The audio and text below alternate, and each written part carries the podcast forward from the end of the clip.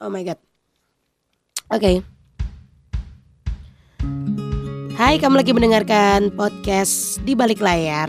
Um, aku Cici Priskila dan um, di episode, episode kali ini kayaknya mungkin suaraku terdengar berbeda karena sekarang aku sedang merekam suaraku sambil di tangan kananku ada minyak angin roll on gitu dan baru beberapa jam yang lalu minyak angin ini aku taruh di atas bibir aku ceritanya adalah untuk membuat hidung aku nggak mampet tapi kayak ngolesnya kebanyakan jadi agak kepanasan sekarang. Dan di tangan kiri aku um, ada segelas air putih. Hangat ya. Ya gini lah Jogja beberapa hari ini lagi hujan dan um, saya salah satu korban dari si hujan itu. Tapi anyway. Kali ini um, sesuai dengan judulnya ini sebenarnya adalah salah satu uh, kegelisahan aku menanggapi fenomena yang ada di media sosial sekarang gitu ya. Uh, gini, aku tuh basicnya kerja di radio.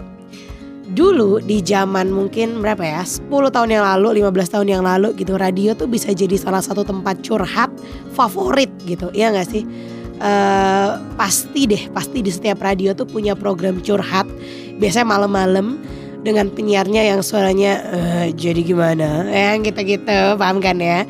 Terus kayak ngundang orang uh, buat curhat dan orang-orang bisa curhat via SMS tuh sebanyak itu gitu. Yang yang ikutan curhat gitu.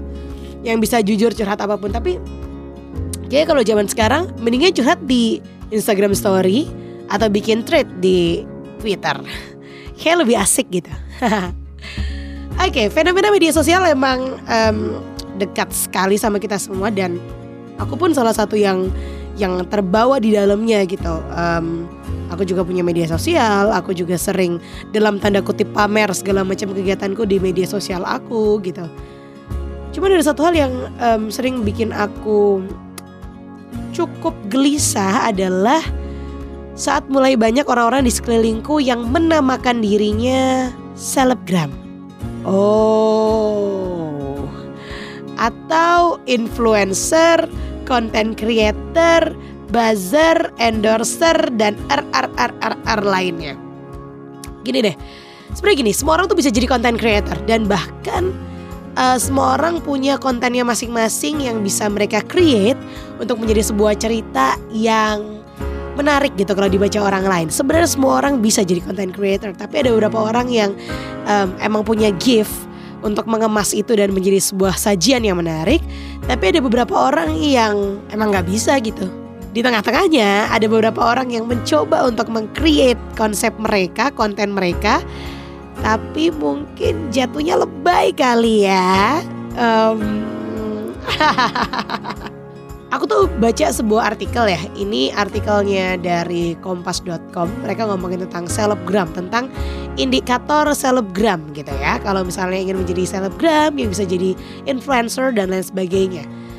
Uh, di tahun 2014 faktanya ya ini adalah titik awal ketenaran Instagram kalau kita fokus ke Instagram ya 2014 gitu karena Instagram berhasil menggeser Twitter yang Twitter cuma teks doang, Instagram ada foto, video dan sampai sekarang berkembang ke story bahkan bisa video call dan lain sebagainya ya.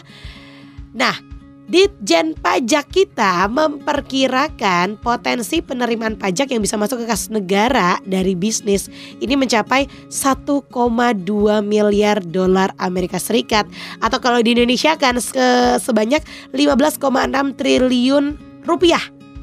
Wow.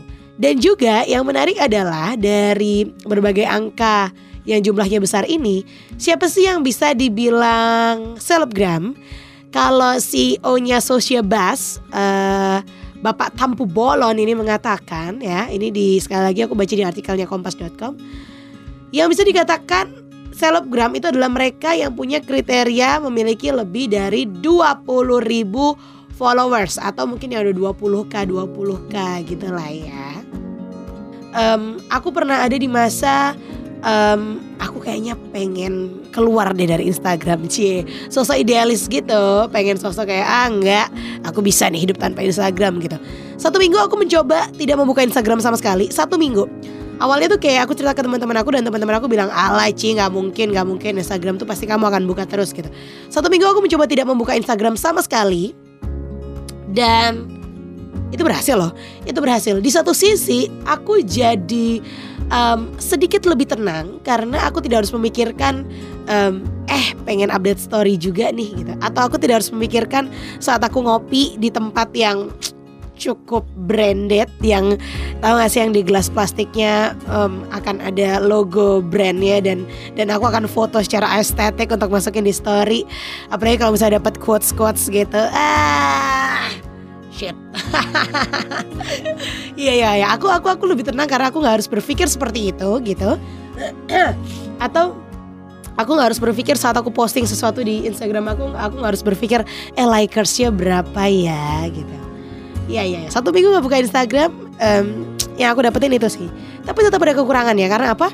Terus di satu minggu aku tidak buka Instagram gitu, aku tidak tahu bahwa ada temen kampus aku um, yang cukup dekat sebenarnya um, dia kecelakaan.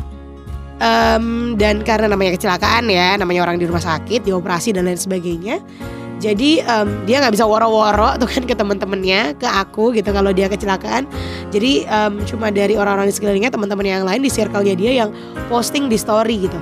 Satu minggu setelah um, aku puasa Instagram lalu aku buka Instagram aku kaget banget karena um, aku nggak dapet berita ini gitu. Karena aku nggak nggak nggak bisa lihat Instagram gitu. Jadi um, ya posisi positifnya dari puasa Instagram ada tapi sisi negatifnya pun ada gitu karena aku tidak bisa terpapar berita yang um, paling update gitu bahkan dari circle, terdekat aku. Oke, okay, well. Um, back to main topic gitu. Kalau kita ngomongin selebgram, kita ngomongin um, buzzer dan lain sebagainya, aku cukup gelisah karena ternyata banyak orang di sekeliling aku yang mulai menamakan dirinya influencer di Instagram. Oke, okay, um, aku mencoba untuk mencari berbagai macam angle, berbagai macam sisi pemikiran tentang influencer dan selebgram ini. Aku mencoba untuk berdiskusi dengan beberapa orang dan inilah pemikiran orang itu tentang pertanyaan simple, influencer atau selebgram itu apa sih? Hai, aku Ben, uh, mahasiswa di UGM. Iya, sombong dulu dikit. Terus apa ya? Oh, selebgram, selebgram. Selebgram itu adalah orang-orang yang beruntung yang kebetulan jadi eksis entah karena kasusnya dia atau mungkin karena karyanya dia. Tapi kadang-kadang, eh bukan kadang-kadang, kebanyakan selebgram itu karena apa ya? Cari sensasi. Ulangin deh, aku biar mikir lagi. Ulangin, ulangin, ulangin, ulangin. Mas Agus ngomong, nah, nih di situ. Nah, Mas Agus, menurut Mas Agus selebgram itu apa? Tentang artis kali ya? Hah? Eh ya Allah belum aku nyalain mama. Apa selebgram itu apa? Tentang artis paling artis. Halo nama gue Dito Sanda, umur gue 23 tahun dan pekerjaan gue adalah penyiar radio. Menurut gue selebgram itu adalah orang-orang yang sudah terkenal di Instagram ya, bisa dibilang adalah artisnya Instagram. Hai aku Ridwan Nandoko dari podcast Sebelum Tidur dan selebgram menurut aku nggak jauh beda kayak Kim Kardashian dan keluarganya terkenal tapi bukan karena banyak karyanya, tapi kayaknya karena banyak sensasinya. Hihi. Hai, aku Alvinta, aku seorang juru warta di Jakarta. Jadi menurut aku, selebgram itu adalah orang-orang yang emang terkenal karena kegiatan mereka di Instagram. Biasanya sih mereka update kegiatan mereka sehari-hari, atau karya mereka, atau hobi mereka. Nah, kalau aku sendiri aku ngefollow yang emang menurut aku punya karya yang bagus dan pemikiran-pemikiran yang bagus. Jadi ketika buka Instagram, aku dapat insight banyak. Halo, gue Dika Haryo. Menurut gue, selebgram itu adalah orang yang bisa nunjukin siapa dia lewat konten foto atau video yang mereka buat dan bikin orang tertarik buat ngeliat.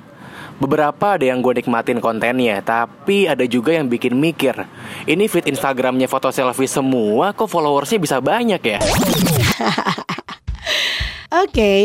di episode kali ini tuh aku gak pengen cuman aku sendiri ada sisi pemikiranku aja. Aku tuh pengen aku juga pengen mendengarkan um, banyak insight dari banyak orang gitu. Karena um, aku merasa ini tuh fenomena yang sangat relate banget dengan kehidupan zaman sekarang gitu. Aku gak memungkiri yang namanya influencer marketing itu bisa jadi sangat efektif banget untuk beberapa bidang gitu ya.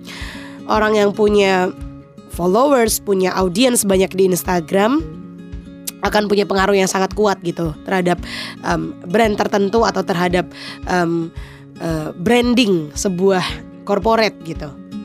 Yang ingin aku tekankan adalah kalau memang kamu punya pengaruh yang kuat, kalau memang kamu punya, punya kemampuan untuk menjadi content creator, kenapa enggak? Ya lakukan, itu bisa menjadi lahan yang luar biasa menghasilkan gitu. Gimana enggak si selebgram dan si influencer ini kalau sekali di endorse atau sekali support um, satu brand gitu ya, mungkin mereka bisa dapat pendapatan yang lebih daripada orang orang-orang yang kerja office hour, apalagi kalau UMR-nya UMR Jogja. Ah, sialan. ya ya ya ya gitu, emang emang realitanya gitu. Jadi gimana dong? Tapi kalau memang kamu belum ada di level itu, kamu merasa dirimu belum siap untuk memberikan pengaruh untuk orang lain, mungkin bisa nanti dulu kali ya ngasih predikat influencer buat dirimu. Karena label apa pun yang kita terapkan ke diri kita, itu yang review kan orang lain ya. Saat kita kasih label diri kita cantik tapi buat orang lain kita nggak cantik, ntar dibilang sosokan. Atau kalau kita ngasih label diri kita pinter, nyatanya orang lain tahu kalau nilai kita rapotnya merah semua, dibilang bohong. Jadi kalau mau pamer, mau sombong gimana dong? Kalau aku gini nih, Sombong itu boleh, pamer itu boleh, asal kamu punya kemampuannya. Menurut aku, yang namanya sombong itu bukan saat kita yang cerita kalau kita punya kemampuan. Tapi yang namanya sombong atau boleh sombong adalah saat tiba-tiba orang di sekeliling kamu tahu kemampuan kamu, tahu prestasi kamu, tanpa kamu yang bilang. Woi, gokil gak tuh misalnya nih ya kamu masuk ke circle yang baru, kamu tidak pernah memperkenalkan diri, kamu adalah influencer, kamu adalah selebgram, kamu punya followers yang banyak misalnya. Tapi tiba-tiba orang di sekeliling kamu bisa notice gitu, eh kamu si ini ya, eh ya ampun aku pernah lihat di story kamu bla bla bla bla bla. Men, kalau kamu udah di level itu sombong, nggak apa-apa, sombong aja bro. you deserve kalau itu. Tapi kalau kamu belum di level itu, please nggak usah sombong dulu lah. Banyak hal yang bisa kita pelajari, banyak hal yang bisa kita angkat, banyak hal yang bisa kita ulik-ulik dulu. Dan kita bisa discuss ke orang-orang di sekeliling kita kalau emang kita pengen jadi selebriti Instagram atau pengen punya sisi keterkenalan itu. Agak klise sih ngomong ini di saat eh, masa-masa uh, zaman sekarang semua orang tuh berambisi pengen terkenal gitu atau sorry aku ralat. Kayaknya aku terlalu bergeneralisir deh. Di masa-masa sekarang di mana banyak orang yang ingin untuk menjadi terkenal. Ya sekarang zamannya kayak gitu sih ya. Well semuanya kembali ke pilihan masing-masing sih. Mau jadi yang kayak gimana nih? Mau bikin predikat sendiri sebagai influencer? Atau nunggu orang lain yang ngasih predikat ke kamu bahwa kamu influencer Selamat berpikir-pikir sampai kita bertemu di cerita di balik layar selanjutnya.